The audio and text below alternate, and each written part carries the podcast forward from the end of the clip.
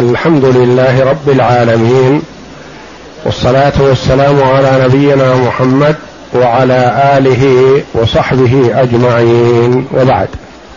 يقول المؤلف رحمه الله تعالى بناء الكعبة وقضية التحكيم. بناء الكعبة.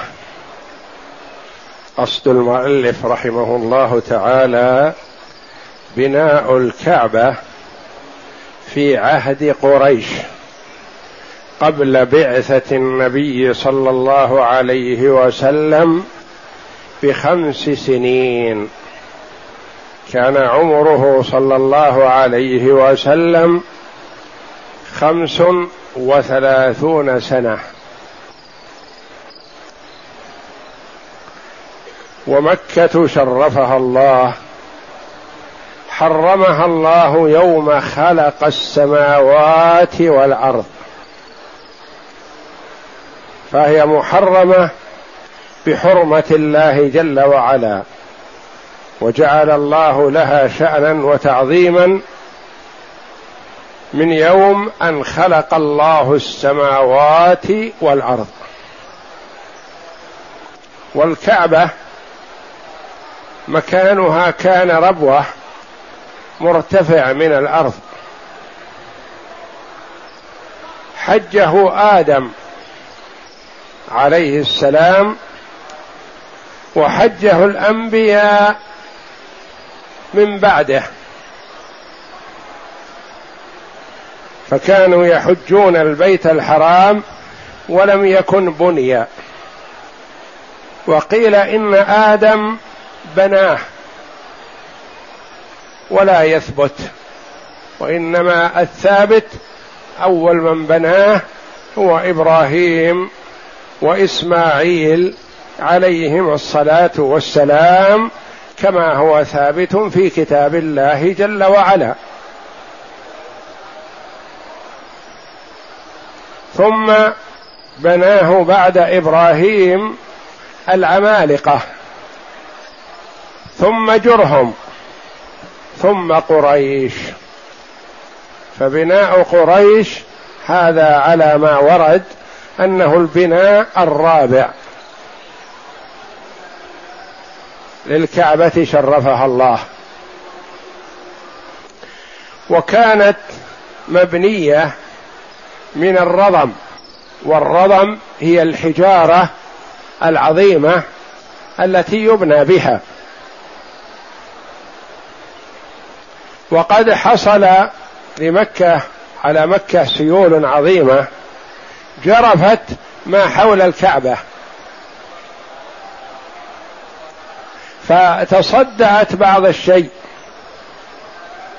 وكانت قريش تهاب أن تهدم الكعبة لتبنيها. وشخ وتخشى أن تسقط. فيكون في ذلك لوم عليهم. كيف يتركونها إلى هذا الحد؟ وهم يعظمونها. وتعظيم الناس لهم من أجل تعظيم الكعبة. فمكانة قريش في الناس من أجل الكعبة.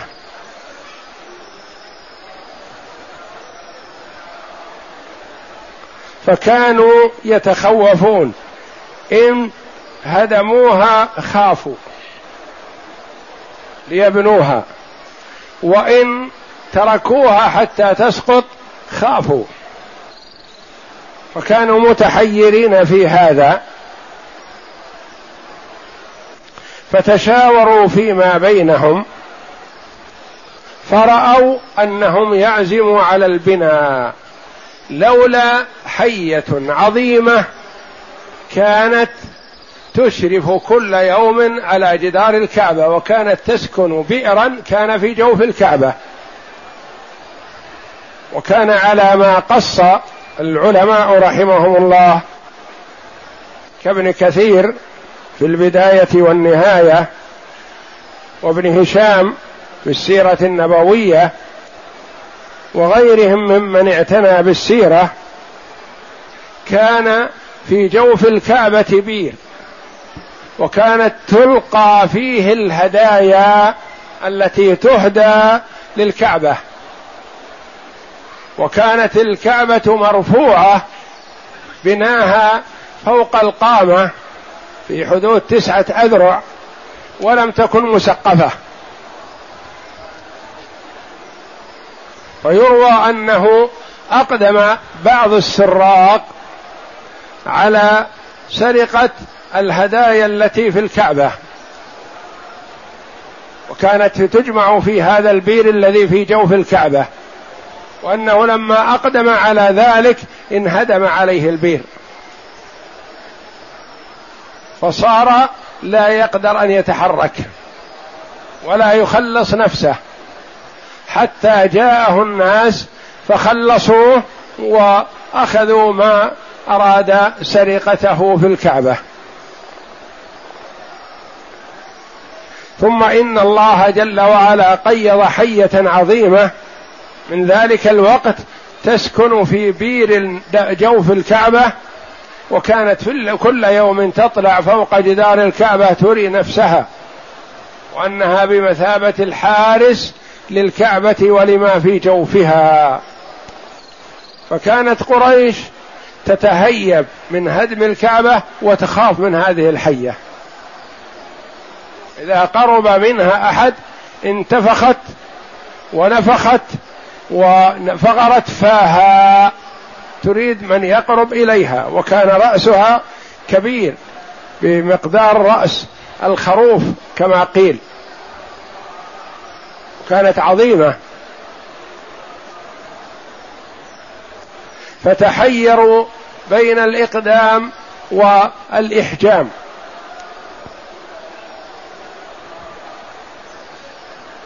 ثم إن الله جل وعلا أرسل طائرا عظيما فحمل الحية وذهب بها بعيد. فقالت قريش إن الله قد رضي منا ما عزمنا عليه حينما خلصنا من هذه الحية. ونظروا فإذا سفينة عظيمة قد وصلت إلى ميناء جدة فتعطلت على ما يقال فيها أخشاب ورخام وأشياء أرسلها الروم لبناء البناء العظيم الذي يريدونه يكون كعبة في اليمن. فانكسرت السفينة وتعطلت في ميناء جدة. فلا طاقة لأهل اليمن ولا للروم بالاستفادة منها تركوها مكانها. فقالت قريش الحية سلمنا منها والأخشاب موجودة الآن في جدة أخشاب عظيمة أخشاب سفينة كبيرة. وفيها مواد بناء أرسلت من من الروم لبناء كعبة في اليمن الكنيسة. وعندنا نجار أمين وقادر على البناء والتسقيف.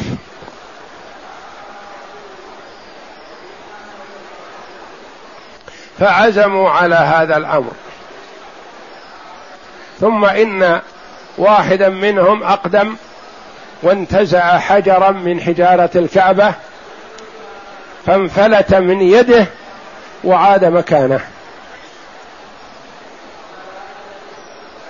فما خافوا من هذا وإنما استشعروا منه شيء. فناداهم من انفلت الحجر من يده ورجع في مكانه فقال يا معشر قريش إن للكعبة حرمة فلا تدخلوا فيها مهر بغي ولا مال ربا ولا مال مظلمة لأحد. يعني الأموال التي عندكم منها ما هو مهر بغي. يعني مهر البغي كان بعضهم يتخذ الجواري ويرسلهن في الأسواق والناس أمام الناس من أراد أن يزني بها يدفع أجرة. الأجرة هذه التي يأخذونها على الزنا وكانوا يستحلونها بالنسبة للإمة. لأنهن مهينات عندهم. وهو الذي قال الله جل وعلا عنه ولا تكرهوا فتياتكم على البغاء إن أردنا تحصنا. فكانوا يستهينون بالجواري المملوكات فيرسلونهن لأجل أن تفعل بهن, بهن الفاحشة ويأخذن المهر ويقدمنه لأسيادهن. فقال لا تدخلوا فيها مهر بغي ولا مال ربا. يعرفون أن الربا كريه ومحرم وظلم للناس. ولا مظلمة لأحد لأن بعض المشركين من كفار قريش وغيرهم القوي منهم يظلم الضعيف ويأخذ ماله والغريب والفريد الذي ليس معه أنصار يظلم. ويؤخذ ماله ولا يجد من يناصره. فعرفوا أن هذه الأموال وإن أخذوها فهي مال محرمة ما أموال خبيثة. فقال لا تدخلوا فيها هذا. ثم تنازعوا. من يتولى البناء يعني من ينفق عليها مع أنهم لا يجدون الكثير من النفقة الحلال فتقاسموا حيطان الكعبة. فأخذت قبيلة ما بين الركن اليماني إلى الحجر الأسود وقبيلة من الحجر الأسود إلى نهايتها نهاية الحائط من الشمال. وقبيلة أخرى ما كان داخل الحجر وقبيلة الاخرى منه إلى الركن اليماني تقاسموه أربعة أقسام. واستثقلوا واستصعبوا بناء الكعبة على قواعد إبراهيم. لأنه لا يوجد عندهم المال الكافي من الحلال الطيب. فاختصروا الحجر. خلص تركوه من قواعد إبراهيم بمقدار ستة أو سبعة أذرع من جدار الكعبة إلى جهة الشمال. قال شيخ الإسلام ابن تيمية رحمه الله حد قواعد إبراهيم من انحناء الجدار. يعني تجد الجدار بعد مدخل الحجر من الجهة الشرق وجهة الغرب يمشي عدال. ثم ينحني قليلا بعد هذا قالوا هذا هو نهاية الكعبة على قواعد إبراهيم. ما وجدوا الحلال الكافي فاختصروا الحجر. ثم قالوا من يهدم؟ من يتقدم للهدم؟ كل يخاف. فتقدم الوليد بن المغيرة وكان من أعيانهم فقال أنا. فقالوا إذن يبدأ الوليد ثم ننتظر ليلة. فإن سلم بدأنا من الغد كلنا. وإن أصيب عرفنا أن الله جل وعلا لم يرضى فعلنا هذا فأعدنا ما تهدم منها. فبدأ الوليد وانتزع أحجارا منها وتركوها. باتوا. أصبح الوليد غاديا إلى عمله وأصبح الناس معه. عرفوا أن الله رضي فعلهم. لم يصب الوليد بشيء. فحفروا. فلما حفروا وصلوا في اسفلها إلى حجارة خضر متداخل بعضها ببعض كالأسنان. متداخلة. فجاء واحد منهم وأدخل العتلة بين حجرين. يريد رفع هذه الحجارة.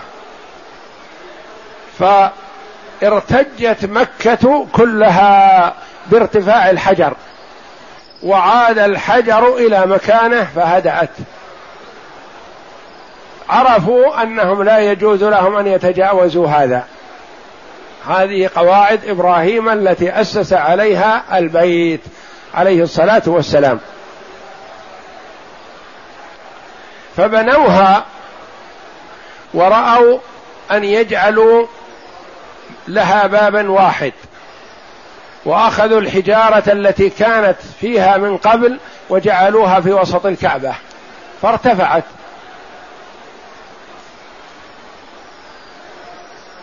ورفعوا الباب بقدر مترين من الأرض. من أجل أن يدخلوا من شاءوا ويمنعوا من شاءوا. فيترك المرء حتى يتعلق يريد الدخول ثم يدفعوه.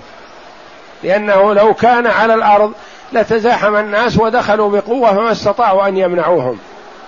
لكن إذا كان يحتاج إلى تعلق يسهل دفعه. إذا تعلق يريد الدخول دفعوه. إذا كانوا لا يريدون دخوله.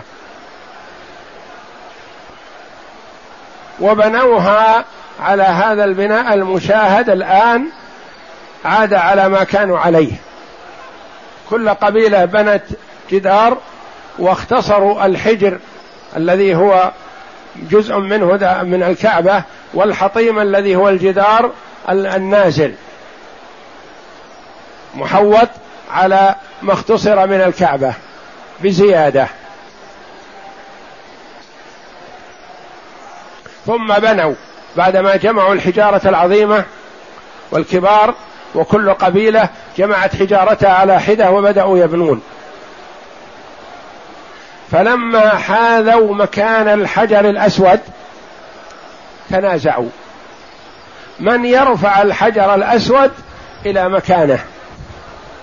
وكادوا أن يقتتلوا حتى أنهم أحضروا جفنة من دم فأدخلوا أيديهم فيها ولعقوها كناية عن أنهم لا يبالون بما يحصل فيما بعد أنهم يتقاتلون ولو أفنى بعضهم بعضا. سموا لعاقة الدم. وبقوا على هذا أربع أو خمس ليال. استصعبوا أن يقدموا على القتال وهم في مكة وهم أهل الحرم. والحرم تعظمه القبائل كلها وتعظم ويعظمه المشركون ويعظمه اليهود ويعظمه النصارى وهم يقتتلون في جوفه. استصعبوا هذا. ومنع بعضهم بعض مع أنهم على استعداد أن يفعلوا. فقال لهم أحدهم ارى أن تحكموا أول داخل إلى المسجد؟ ما ندري من يكون هذا الداخل. تحكم أول داخل إلى المسجد. قالوا حسن واستساغوا هذا وقبلوه كلهم. بعد أن كادوا يقتتلوا وتوقفوا أربعة أيام أو خمسة أيام ما يعملوا لأنهم وصلوا إلى حد مكان الحجر وما استطاعوا أن يتجاوزوه. فانتظروا أول داخل فإذا هو محمد صلى الله عليه وسلم قبل نبوته وكان مكرما معظما عندهم ففرحوا بذلك فرحا شديدا. قالوا هذا الأمين هذا الأمين رضيناه رضيناه. فجاء صلى الله عليه وسلم وهو في ذاك الوقت لم يوحى إليه. فأخبروه بما حصل وبما تنازعوا عليه وبما اتفقوا عليه أنهم يحكموا أول داخل وكنت أول داخل. فحكم فيهم صلى الله عليه وسلم بالحكم الذي أرضى الأطراف كلها. فقال عليه الصلاة والسلام أعطوني رداء رداء مربع.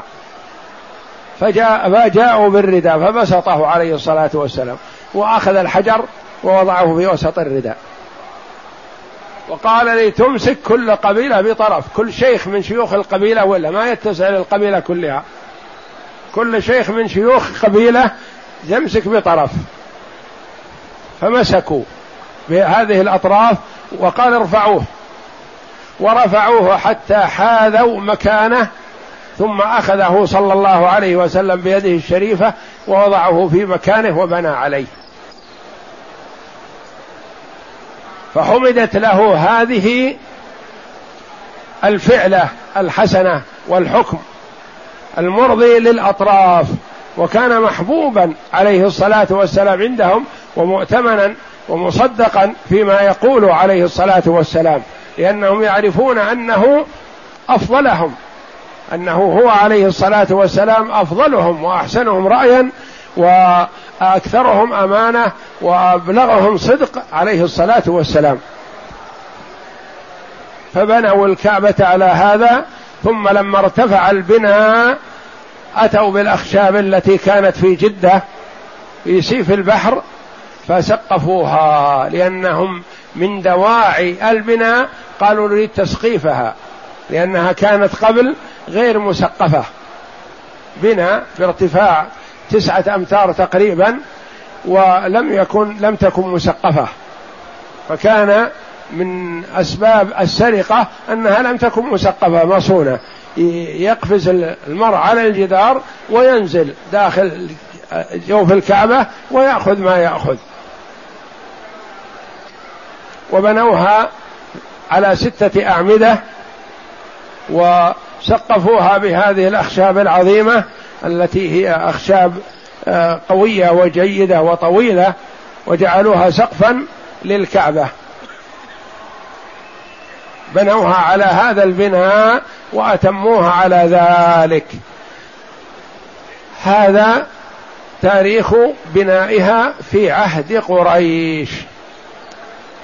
والنبي صلى الله عليه وسلم حاضر معهم وكان يحمل معهم الحجارة ويعمل معهم. وهو الحكم عليه الصلاة والسلام في النساء في حمل ووضع الحجر الأسود. لما أوحى الله جل وعلا إليه. ودخلت مكة في الإسلام.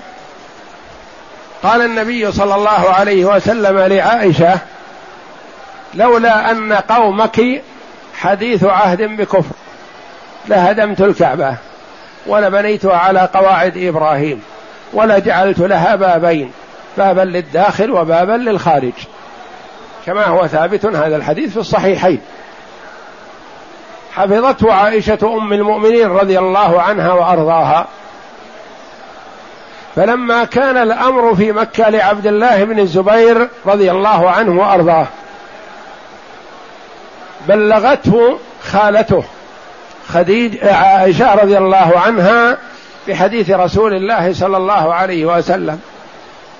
فقال في نفسه رضي الله عنه أتولى هذا؟ لأن الناس اليوم ليسوا كما حالهم سابقا في عهد في أول ما فتحت مكة. كانوا حديث عهد بكفر. والآن والحمد لله ثبت الإيمان في قلوبهم. فهدم الكعبة رضي الله عنه وبناها على قواعد إبراهيم وأدخل ما اختصر من الحجر وجعل لها بابين بابا شرقيا وبابا غربيا يدخل الداخل من الباب الشرقي ويخرج من الباب الغربي وجعل الباب على مستوى الأرض حتى يسهل الدخول فيه والخروج وبناها على أحسن بنا رضي الله عنه وأرضاه. فلما أتم بناها على هذا خرج رضي الله عنه وأحرم بعمرة وطاف بالبيت واستلم الأركان الأربعة. استلم رضي الله عنه الأركان الأربعة لأنه علم أن النبي صلى الله عليه وسلم توقف عن استلام الركنين الشاميين لأنهما لم يكونا على قواعد إبراهيم. فلما كان على قواعد إبراهيم استلم الأركان الأربعة رضي الله عنه.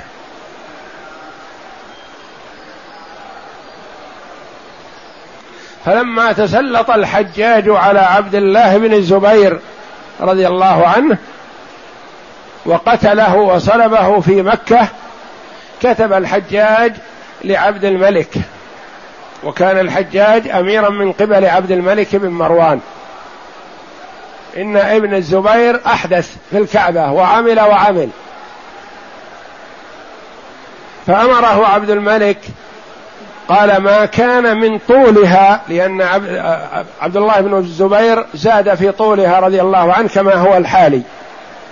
لأنه لما طالت رفع الجدار فوق. ما كان من طولها فدعه وما كان من إدخال الحجر فأعده على ما كان عليه. فهدم الحجاج الجزء الشمالي من الكعبة وأعادها على بناء قريش. وعادت على ما كانت عليه في عهد قريش وعهد النبي صلى الله عليه وسلم. فلما كان المهدي العباسي أو ابنه المنصور أرادوا إعادتها على بناء عبد الله بن الزبير لأنها على قواعد إبراهيم. فاستشاروا الإمام مالك رحمه الله ورضي عنه إمام دار الهجرة. هل نفعل أو نتوقف؟ قال لا. أرى الا تفعل. أخشى أن تكون ملعبة للملوك. دعها على ما كانت عليه. يقول تبنونها أنتم الآن على قواعد إبراهيم ثم يأتي بعدكم من هو ضدكم فيعيدها على قواعد قريش. ثم يأتي بكذا فتكون ملعبة. فأريد أن تبقى على ما كانت عليه. أرى أن تبقى على ما كانت عليه فبقيت. فهي الآن على هذا البناء وإن دخلها ترميمات في سنوات متعددة.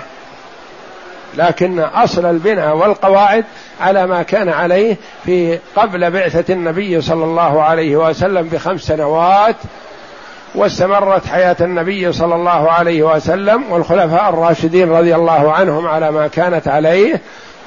فلما كان في عهد عبد الله بن الزبير رضي الله عنه اعادها على قواعد إبراهيم. فلما قتله الحجاج بن يوسف الثقفي أميرا من قبل عبد الملك بن مروان من الشام أعادها على بناء قريش فاستمرت على ما كانت عليه مع ما يدخلها من ترميمات وإصلاحات داخلية وجانبية. هذا تاريخ بناء الكعبة شرفها الله. اقرأ. ولخمس وثلاثين سنة من مولده صلى الله عليه وسلم قامت قريش ببناء الكعبة وذلك لأن الكعبة كانت رضماء فوق القامة. ارتفاعها رضما رضم يعني حصى. حجارة كبيرة فوق القامة بارتفاع تسعة أذرع.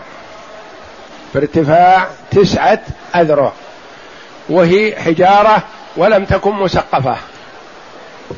نعم.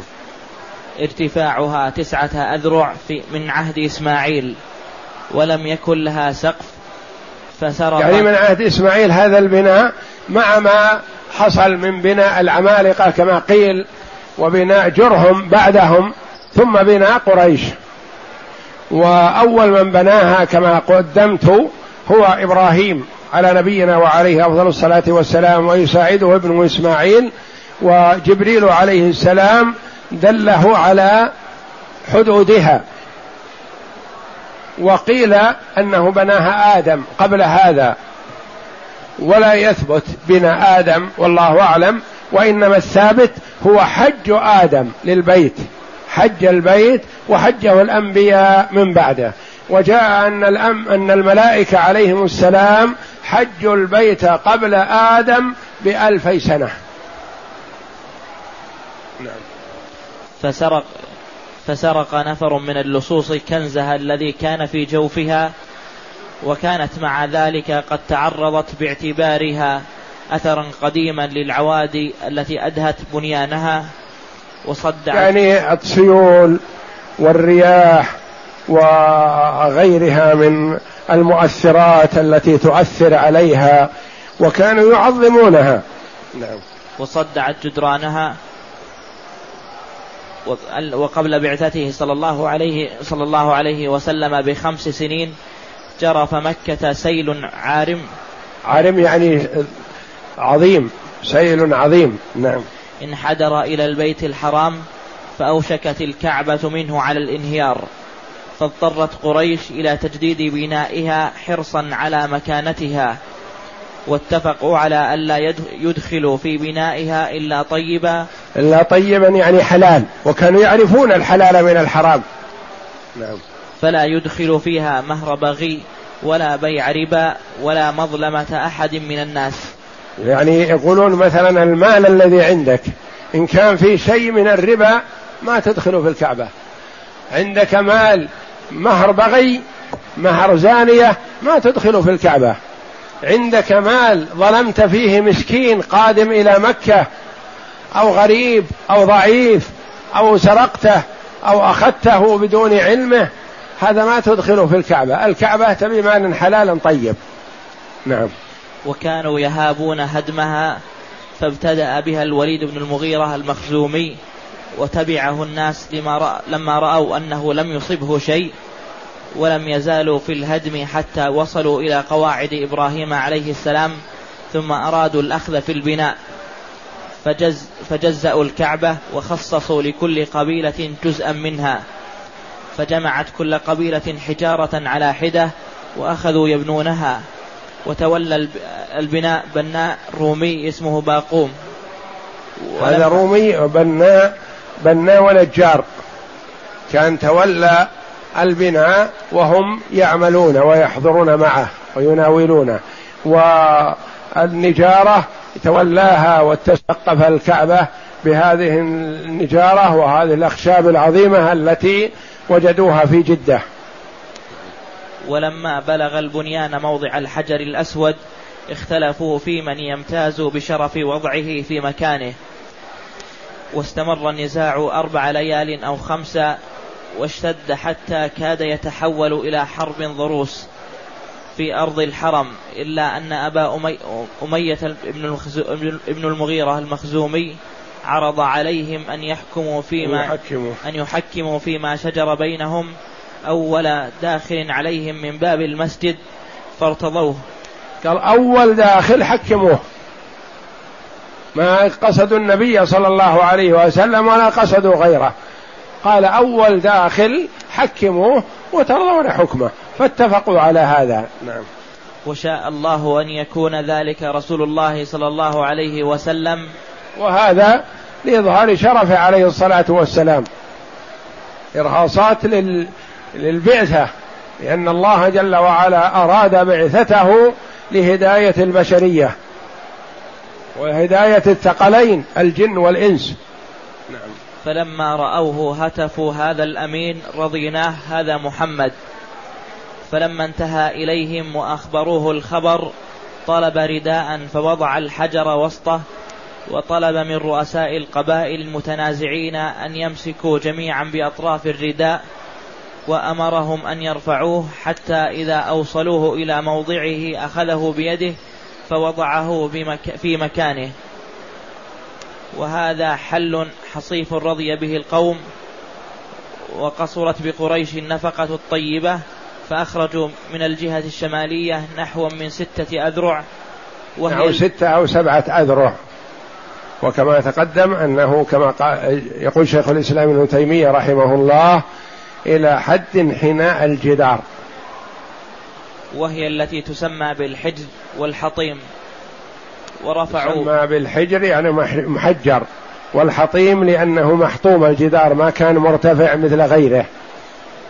ورفعوا, ورفعوا بابها من الأرض رفعوا بابها من الأرض كانت حجارتها السابقة جعلوها في بطنها. الحجارة السابقة جعلوها في بطنها فارتفع. ارتفعت أرضيتها. قصدوا من هذا يدخل من شاءوا ويحرم من شاءوا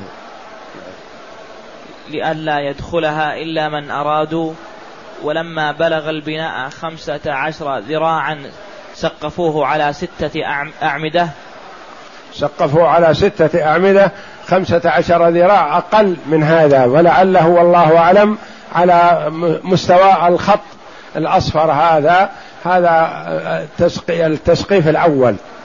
وما فوق الخط الأصفر كان زيادة عبد الله بن الزبير رضي الله عنه.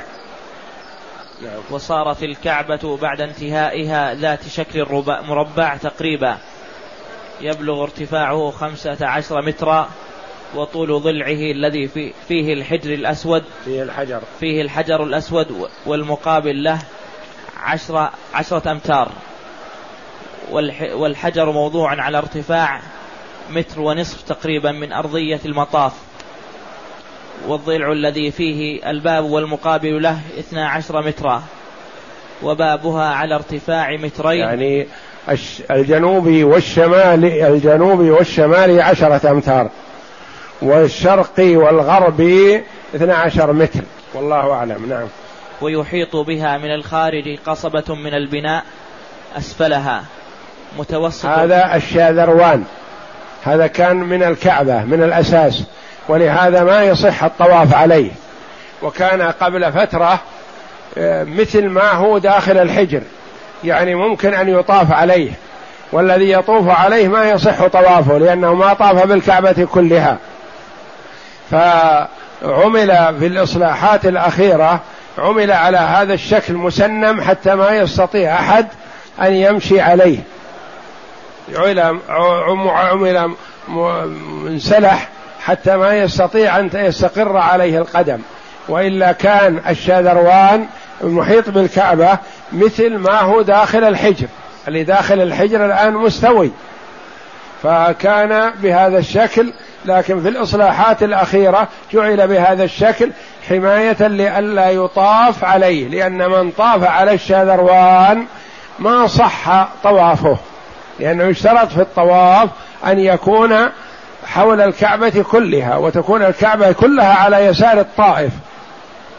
ولهذا من دخل داخل الحجر وخرج من الباب الثاني ما يصح طوافه لأنه ما طاف بالكعبة كلها.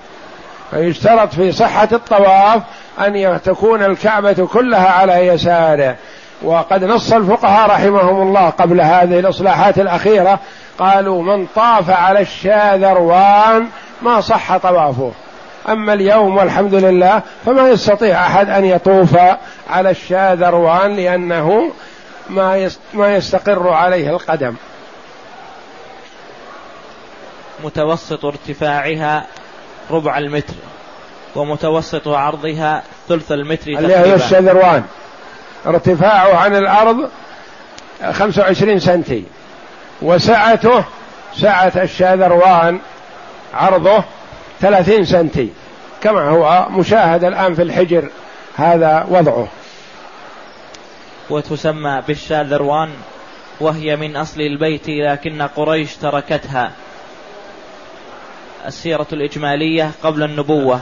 وتسمى بالشاذروان وهي من أصل البيت لكن قريش تركتها.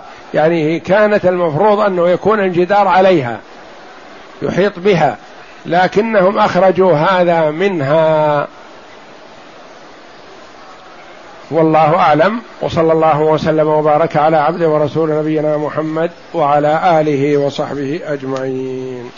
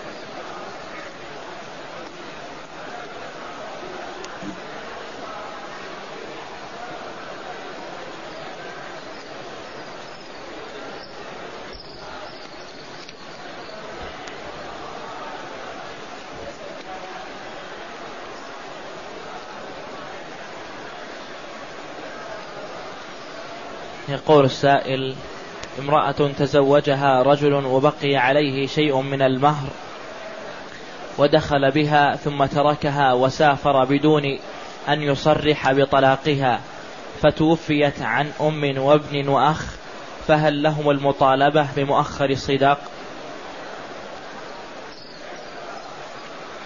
ما دام عقد عليها ودخل بها فلها بقية المهر وهو يورث عنها وهو من ورثتها كذلك فمن حق بقية ورثتها مطالبة الزوج ببقية المهر وهم يرثونه حسب ميراثهم أم وابن وأخ الأخ ما شيء فورثتها زوجها وابنها وأمها. للأم السدس وللزوج الربع وللابن الباقي. من حقهم مطالبة الزوج بما بقي من المهر.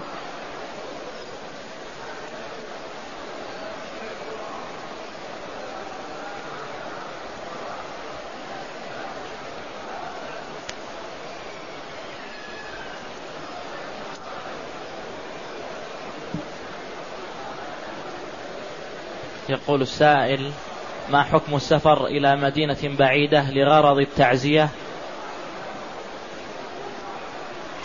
السفر للتعزية هذا أجازه العلماء لأنه ليس للتعظيم وإنما لزيارة الأقارب أو زيارة المصاب بهذه الوفاة مثلا ولجبر خاطره.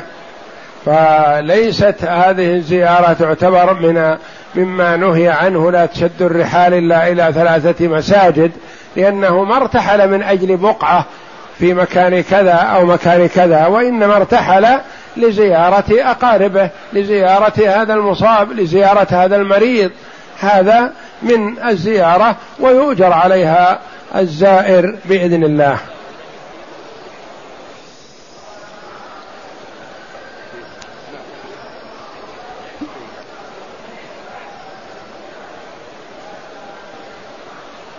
وما حكم التداوي بدم الديك وبول الحمار؟ لا يجوز التداوي بدم الديك ولا بول الحمار لأن دم الديك الدم المسفوح الذي يخرج عند الذبح هذا نجس. وكذلك بول الحمار نجس ومحرم. والله جل وعلا لم يجعل شفاء أمة محمد صلى الله عليه وسلم فيما حرم عليها. والنبي صلى الله عليه وسلم يقول عباد الله تداووا ولا تتداووا بحرام. فالله جل وعلا لم يجعل شفاء أمة محمد صلى الله عليه وسلم فيما حرم عليها. والدم المسفوح محرم وبول الحمار محرم وإنما الحلال بول الإبل. بول الإبل والتداوي به من الطب النبوي. والنبي صلى الله عليه وسلم لما استوخم العرنيون المدينة وما ناسبهم جوها أمرهم عليه الصلاة والسلام أن يلحقوا بإبل الصدقة في البر خارج المدينة فيشربوا من أبوالها وألبانها فصحوا وطابوا وناسبهم الجو. في البرية ويشربون من الإب من, من إبل من آه، ألبان الإبل وأبوالها. فاللبن غذاء ودواء والأبوال آه، دواء. ومطهر للمعدة ومزيل لبعض الأمراض. فصحوا وحسنت آه، صحتهم وأجسامهم فنكصوا وقتلوا الراعي وأخذوا الإبل.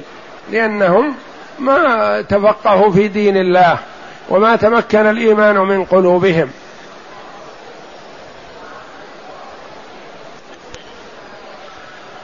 يقول إنه خطب امرأة وقبل أن يتم عليها العقد أمسك بيدها وقبلها ثم تزوجها وهو نادم على ما فعل منه. هل يطلقها؟ وقل لا لا يطلقها وإنما عليه التوبة والاستغفار لأنه لا يسوغ له أن يمسها قبل العقد حتى وإن كانوا متواطئين على الزواج ومتفقين وموافقين على الخطبة ما دام ما تم العقد فلا يجوز له أن يمسها لأنها أجنبية. فإذا عقد له عليها فله أن يستمتع منها بما شاء مما أحل الله حتى ولو لم يعلن النكاح ولم يحدد الدخول ما دام أنها زوجته.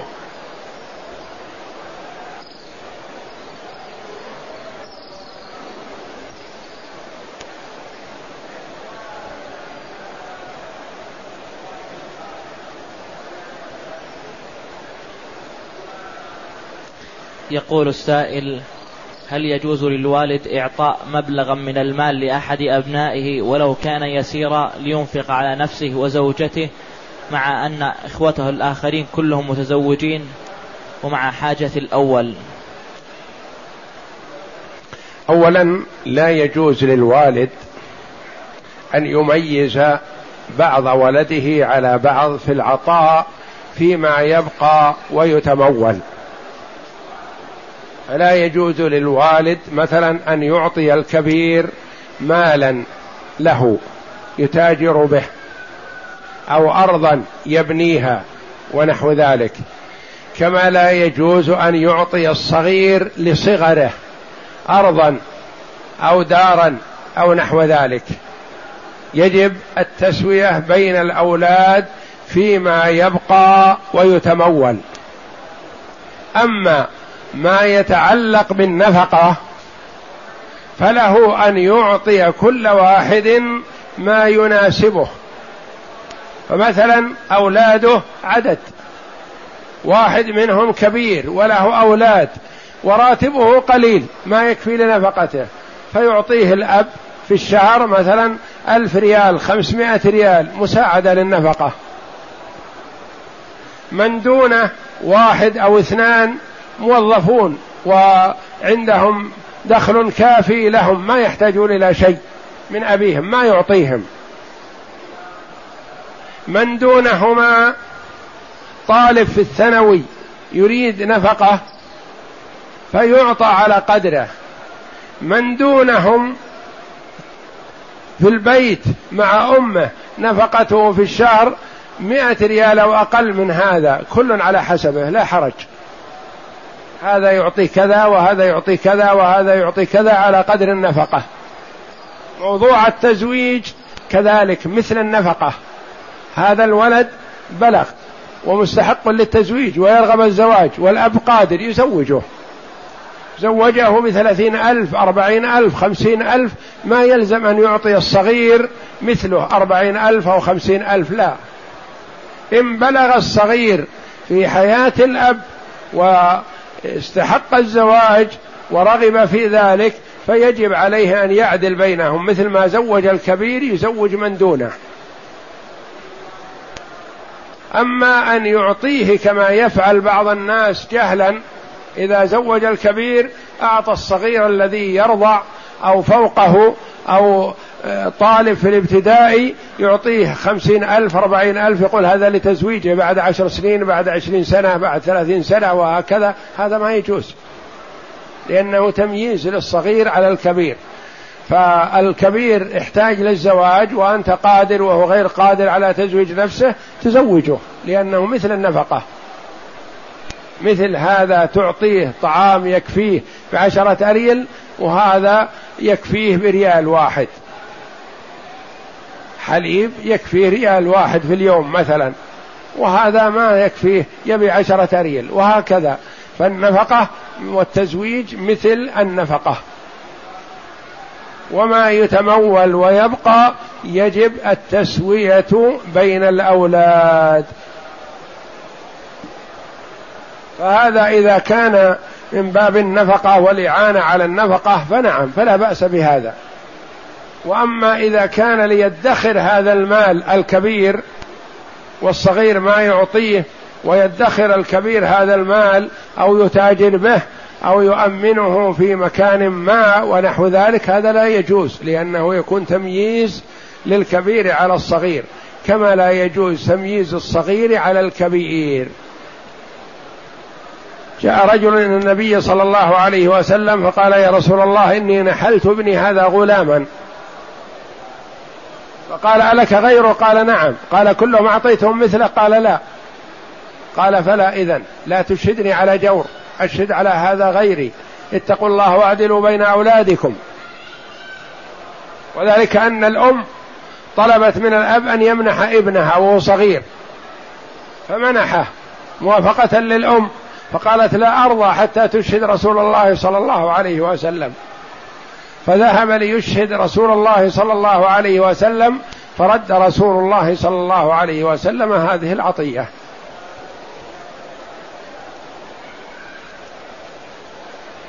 يقول السائل عقدت على امرأة بإذن وليها وبإذنها وحينما أردت البناء بها أبوا وأجبروني على طلاقها مع أنها تريدني وترغب ألا أطلقها فماذا أفعل؟ لا تطلقها ما دمت عقدت عليها وهي تريدك وأنت تريدها فما ينبغي للوالد ولا للإخوة ولا للأقارب أن يحولوا بين الزوج وزوجته.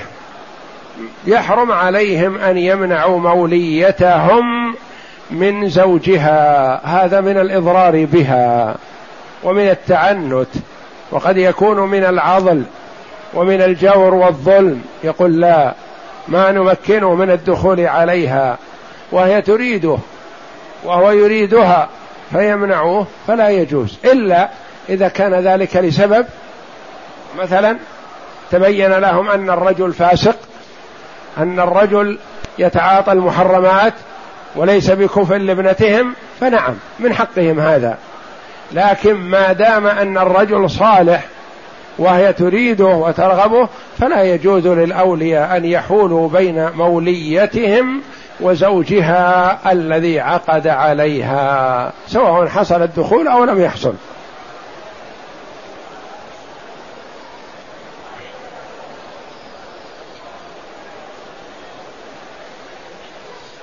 يقول السائل هل يجوز للمرأة أن تصلي الجمعة من غير اغتسال؟ وهل الاغتسال واجب عليها؟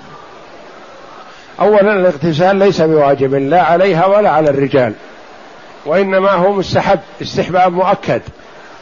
استحباب مؤكد الاغتسال للجمعة والمرأة لا يجب عليها الاغتسال وإذا حضرت الجمعة مع الرجال فيستحب في حقها لأنه يستحب في كل من حضر الجمعة لأن الهدف من الاغتسال إزالة الروائح الكريهة التي تؤذي المصلين.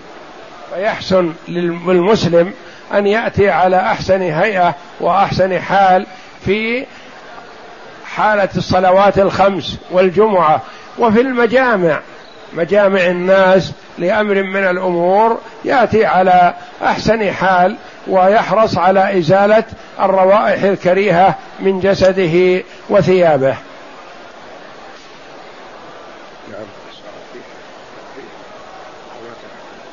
ومتى تصلي المرأة صلاة الجمعة؟ المرأة إذا حضرت الجمعة في المسجد فتصلي مع الناس وتكفيها ركعتان. ومن حضر الجمعة ممن لا تجب عليه أجزأته. فالمرأة لا تجب عليها الجمعة والمسافر لا تجب عليه الجمعة والعبد المملوك لا تجب عليه الجمعة والمريض لا تجب عليه الجمعة إذا حضرها هؤلاء أجزأتهم الجمعة عن صلاة الظهر وتجزيهم الركعتين عن الأربع ركعات. فإذا صلت المرأة في بيتها فمن حقها أن تصلي قبل إمام الجمعة وبعده ومعه ولا حرج. وتصلي أربع ركعات لأن من لم يحضر الجمعة عليه أن يصلي الظهر أربع ركعات.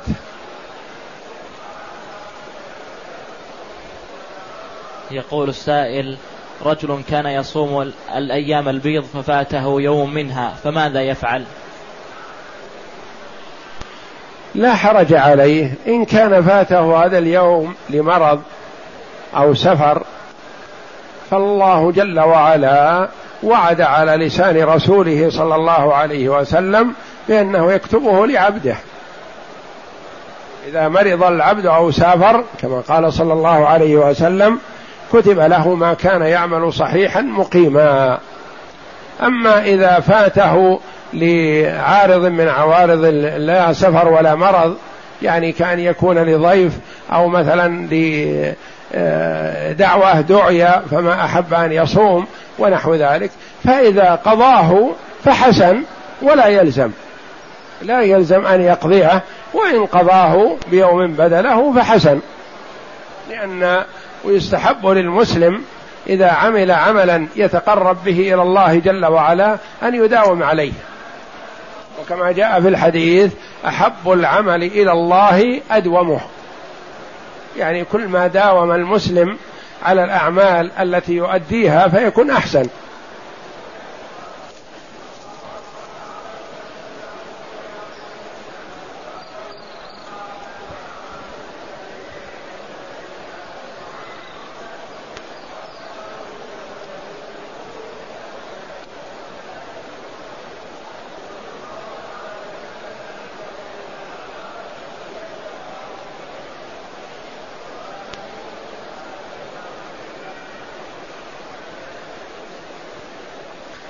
يقول السائل ما صحة من يقول أحب الكافر وأكره كفره وأحب العاصي وأكره معصيته. أما محبة العاصي فنعم تحب العاصي وتكره معصيته. العاصي مثلا مسلم يشهد أن لا إله إلا الله وأن محمد رسول الله ويقيم الصلاة ويؤتي الزكاة مسلم. والمسلم أخو المسلم فتحبه لإسلامه. وتكرهه معصيته. يعني قد يجتمع في الشخص الكراهية والحب. تحبه لإسلامه وتكرهه لمعصيته. وأما الكافر الكافر فهناك معاملة. يعني تعامله بالحسنى هذا حسن واجب. و والمحبة كما قال الله جل وعلا لا تجد قوما يؤمنون بالله واليوم الآخر يوادون من حاد الله ورسوله ولو كانوا آباءهم أو أبناءهم أو إخوانهم أو عشيرتهم. فما يجوز أن تود الكافر لكن قد تحمده على بعض الخصال فيه. يكون عنده خصال حميدة مثلا تحمده عليها وأنت تبغضه لكفره. فتحمد الشخص مثلا لحسن معاملته لمروءته لمساعدته للفقراء والمساكين للطافتة مع المسلمين لحسن تعامله مع المسلمين ونحو ذلك. يعني تحمده وتثني عليه بهذا لكن ما تحبه.